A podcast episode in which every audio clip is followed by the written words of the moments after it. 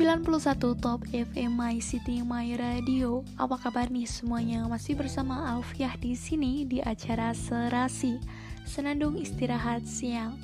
Waduh, udah semakin siang nih. Buat teman-teman semuanya, jangan lupa ya cepat-cepat makan siang.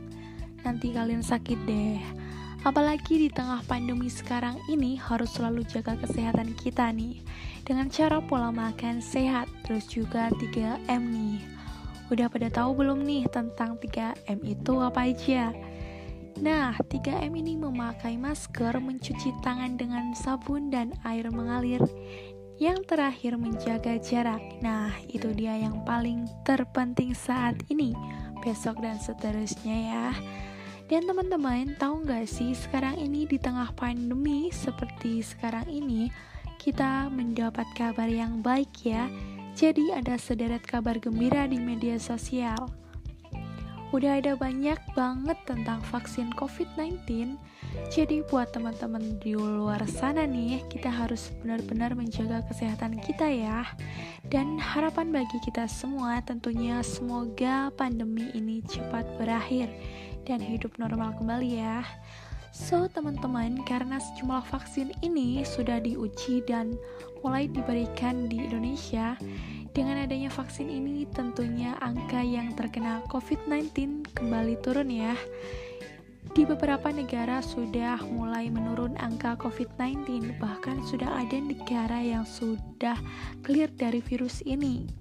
Tentunya hal ini menjadi semangat untuk kita semua negara lain bisa sembuh, pasti negara Indonesia tercinta ini juga bisa clear dari virus COVID-19 ini.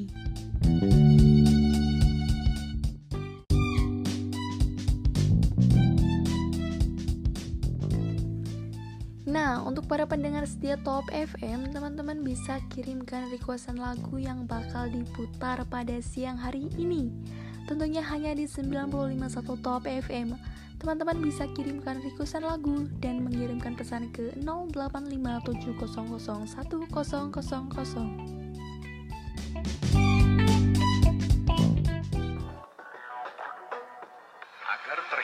dari serangan virus dan bakteri, tubuh membutuhkan antibodi. Untuk membentuk antibodi di dalam tubuh bisa dilakukan dengan cara vaksinasi. Tapi bagaimana vaksinasi bekerja di dalam tubuh? Vaksinasi adalah cara aman melatih tubuh untuk kenal, lawan, dan kebal dari penyebab penyakit yang disebabkan virus atau bakteri. Istilahnya, kenal, lawan, kebal. Tak kenal, maka tak kebal. Vaksin sendiri dikembangkan dengan pengawasan yang ketat melalui tahapan uji praklinis dan klinis secara lengkap sehingga vaksin yang dihasilkan adalah vaksin yang aman dan efektif. Setelah mendapatkan vaksin, tubuh akan membentuk sel memori untuk mengenali virus dan menghasilkan antibodi untuk melawan virus. Akhirnya, tubuh akan mengingat dan melawan jika suatu saat terpapar virus yang sama. Vaksinasi, lindungi diri, lindungi negeri. Iklan layanan masyarakat ini dipersembahkan oleh Kementerian Kominfo Republik Indonesia bekerja sama dengan Komite Penanganan COVID-19 dan Pemulihan Ekonomi Nasional diproduksi oleh Asosiasi LPPL Radio dan TV Indonesia. Tak kenal maka tak kebal. Vaksinasi, cara aman melatih tubuh untuk kenal, lawan, dan kebal dari penyebab penyakit seperti virus atau bakteri. Ada berbagai jenis vaksin dan proses pengembangan vaksin diawasi dengan ketat melalui tahapan uji praklinis dan klinis secara lengkap sehingga vaksin yang dihasilkan aman dan efektif. Vaksin masuk ke dalam tubuh, tubuh dapat membentuk sel memori untuk mengenali virus dan menghasilkan antibodi untuk melawan virus. Selain itu, tubuh dapat mengingat dan melawan jika terpapar virus yang sama. Vaksinasi tak hanya lindungi diri sendiri, tapi juga bisa cegah penyebaran dan penularan virus jika mayoritas masyarakat sudah divaksinasi, sehingga melindungi mereka yang belum bisa divaksinasi, seperti bayi, anak-anak, lansia, atau orang dengan penyakit tertentu. Pandemi bisa berakhir jika rantai penularan bisa diputus dengan melakukan vaksinasi dan protokol kesehatan. Vaksinasi, lindungi diri, lindungi negeri. Iklan layanan masyarakat ini dipersembahkan oleh Kementerian Kominfo Republik Indonesia bekerja sama dengan Komite Penanganan COVID-19 dan Pemulihan Ekonomi Nasional dan diproduksi oleh Asosiasi Radio dan TV Indonesia.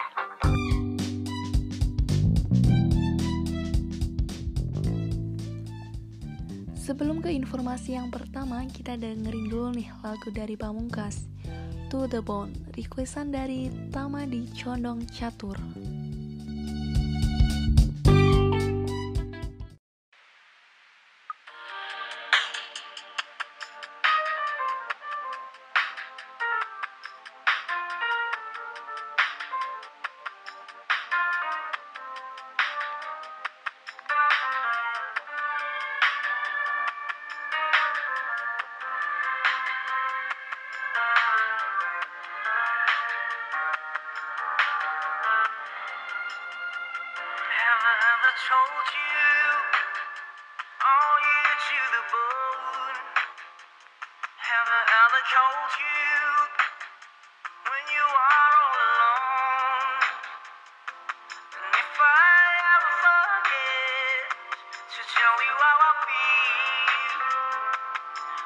Julie now.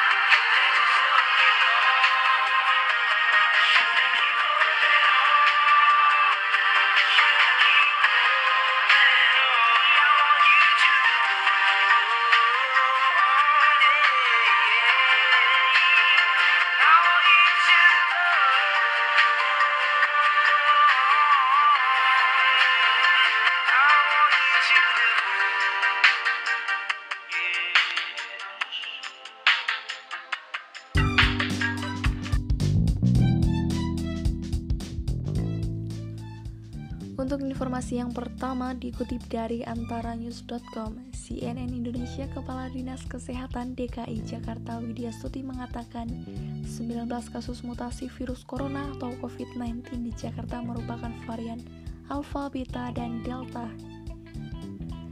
Ia mengatakan selain pekerja migran, penularan juga ditemukan pada warga Jakarta. Dinas Kesehatan DKI Jakarta sebelumnya mengidentifikasi 19 kasus mutasi COVID-19 di Jakarta. Temuan itu berasal dari 649 sampel yang telah diperiksa. Dwi meminta masyarakat untuk waspada terutama pada mutasi yang menurutnya lebih mudah menular dan menimbulkan gejala yang lebih berat. Sementara itu, per Senin 14 Juni hari ini, jumlah kasus konfirmasi positif di DKI secara total mencapai 450.793 kasus. Dari jumlah total kasus positif, total orang yang dinyatakan telah sembuh sebanyak 420 4.088 yang sembuh dan total 7.609 orang yang telah meninggal dunia. Nah, tadi adalah berita tentang vaksinasi. Sebelum ke informasi selanjutnya, pendengar setia Top FM tetap stay di tempat dan dengarkan lagu dari Mahalini melawan rindu. Requestan dari Agnes di Keronggahan.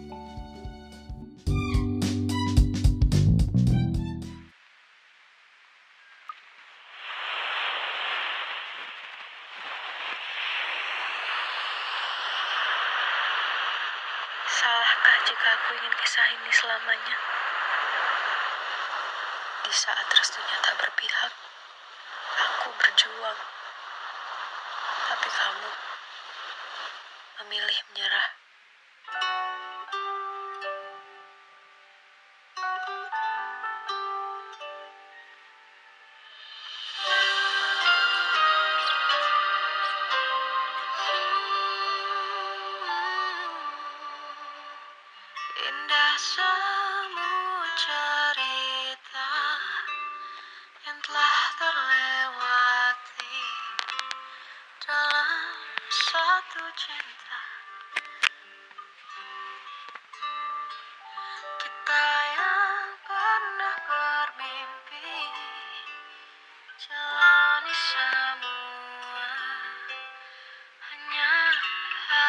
Kita.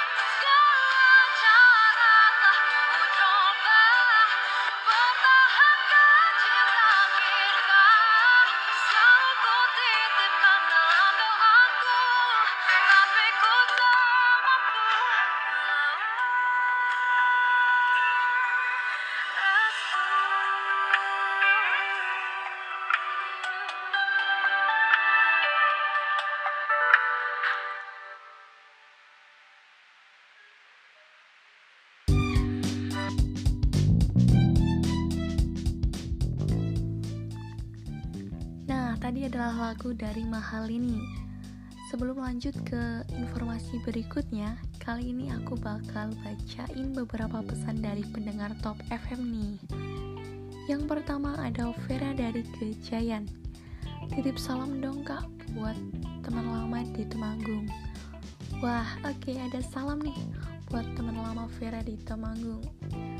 Selanjutnya ada Yani di Sleman. Salam rindu buat orang yang udah nyakitin. Wah, ada salam rindu nih dari Yani. Aduh, jangan rindu deh sama orang yang udah nyakitin kamu. Oke, okay. selanjutnya ada Sarah di Bantul. Hai kak, salam Salam rindu, wah rindu nih Selamat siang, tolong rekomendasiin tempat wisata yang bagus dong kak Siang juga, wah rindu Kapan bertemu, kenapa ada rindu nih? Wah ngomong-ngomong tentang wisata, ada wisata yang menarik nih. Cocok untuk keluarga juga, yaitu di Puri Mataram. Sarah juga bisa cek ke Google Maps langsung untuk detail lokasinya. Yang keempat ada Mila di Jombor. Enaknya ngapain ya kak? Gabut kuliah online terus? Hmm ya sekarang lagi kuliah online ya halo Mila di Jombor. Tetap semangat ya walaupun kuliah masih online. Biar gak gabut bisa cobain aktivitas atau hobi baru di rumah. Misalnya semisal Mila suka menggambar bisa menggambar melukis atau memasak. Ada juga mungkin kegiatan lain bisa Mila lakukan yaitu dengan berolahraga dan sebagainya. Intinya harus tetap produktif walaupun di rumah aja nih Mila, oke? Okay? Oke, okay, yang terakhir bakal aku bacain pesan dari Mika di Gunung Kidul. Angkringan di Jogja yang murah, banyak variasi menu, dan enak di mana ya kak? Waduh, ini soal makanan pasti nih. Ngomong-ngomong tentang angkringan, pas banget nih buat teman-teman yang suka nongkrong santuy bisa mampir di angkringan Pak Jenderal di Jalan Amarta Condong Catur. Lokasinya strategis dan juga tempatnya nyaman banget buat nongkrong. Jadi buat teman-teman semua yang suka nongkrong bisa langsung aja ya ke angkringan Pak Jenderal.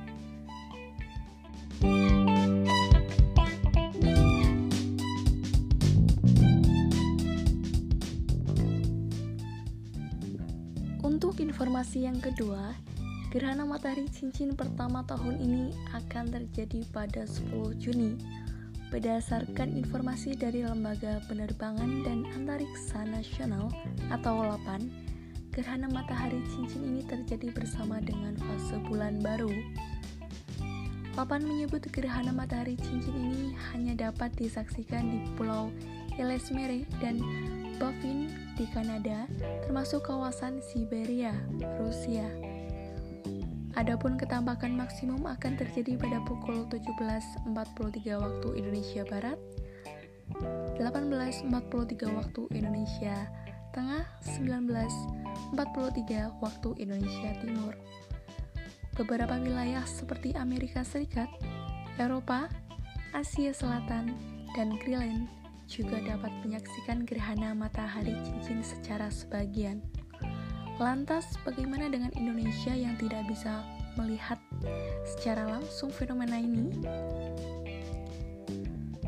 Seperti dikutip dari space.com, Kamis 10 Juni 2021, Sebenarnya ada beberapa akun YouTube yang akan menyiarkan secara langsung fenomena gerhana matahari cincin ini, sehingga orang-orang yang tidak bisa melihat peristiwa tersebut karena alasan geografis masih bisa dimungkinkan. Nah, apa saja sih channel YouTube yang akan menyiarkan peristiwa tersebut?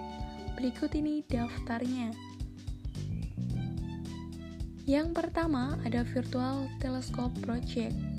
Virtual Telescope Project yang berbasis dekat Roma akan menggelar live streaming fenomena gerhana matahari cincin dengan sejumlah partisipan internasional yang berasal dari Kanada. Yang kedua, ada NASA. NASA juga akan menggelar live streaming yang menampilkan peristiwa gerhana matahari sebagian.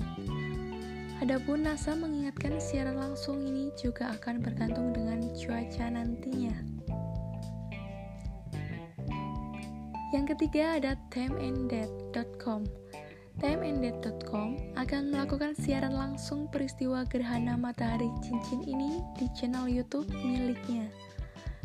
Selain itu, di situs webnya ada sejumlah rekaan dalam siaran langsung nanti yang berasal dari luar Amerika Serikat dan Kanada.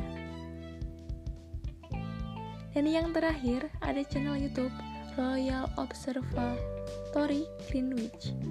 Untuk di Inggris, ada Royal Museum Greenwich yang menggelar siaran langsung dari Royal Observatory di Greenwich. Gerhana matahari cincin api 10 Juni terjadi bersamaan dengan fase bulan baru. Bulan bergerak di depan matahari saat berlangsungnya gerhana matahari cincin atau annular solar eclipse yang terlihat dari langit New Delhi, India, Minggu 21 Juni 2020. Sebagian penduduk bumi bisa menyaksikan fenomena langka gerhana matahari cincin ini.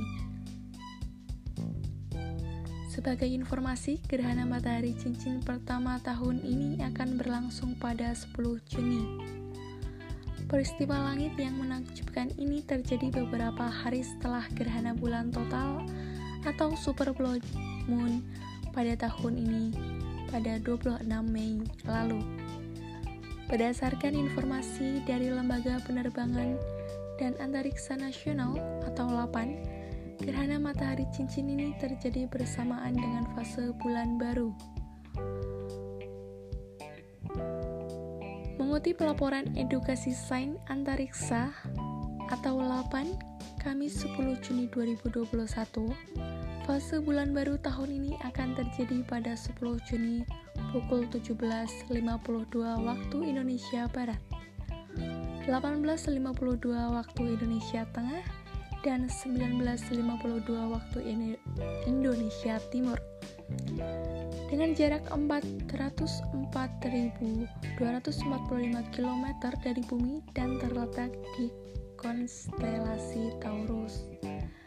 Disebutkan bulan ini juga, bulan tidak hanya membentuk konjungsi dengan matahari, melainkan juga dengan Merkurius. Karena itu, juga dapat disebut konjungsi triple bulan Merkurius matahari. Karena itu, Merkurius tidak dapat terlihat sepanjang malam dan berada di atas ufuk bersama-sama dengan matahari dan juga bulan. Lapan juga menyebutkan ketinggian bulan di Indonesia saat matahari terbenam bervariasi antara minus 0,55 derajat hingga minus 0,2,1 derajat dengan sudut elongasi terhadap matahari bervariasi antara 0,29 derajat hingga 1,94 derajat.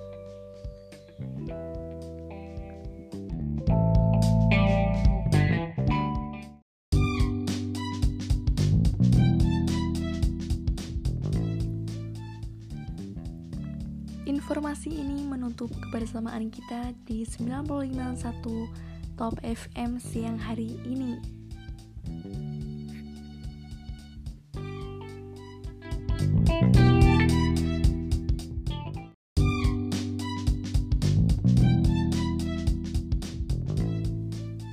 Dan untuk menutup siang hari ini ada lagu dari Kunto Aji berjudul Rehat, requestan spesial dari pendengar setia Top FM yaitu Vera di.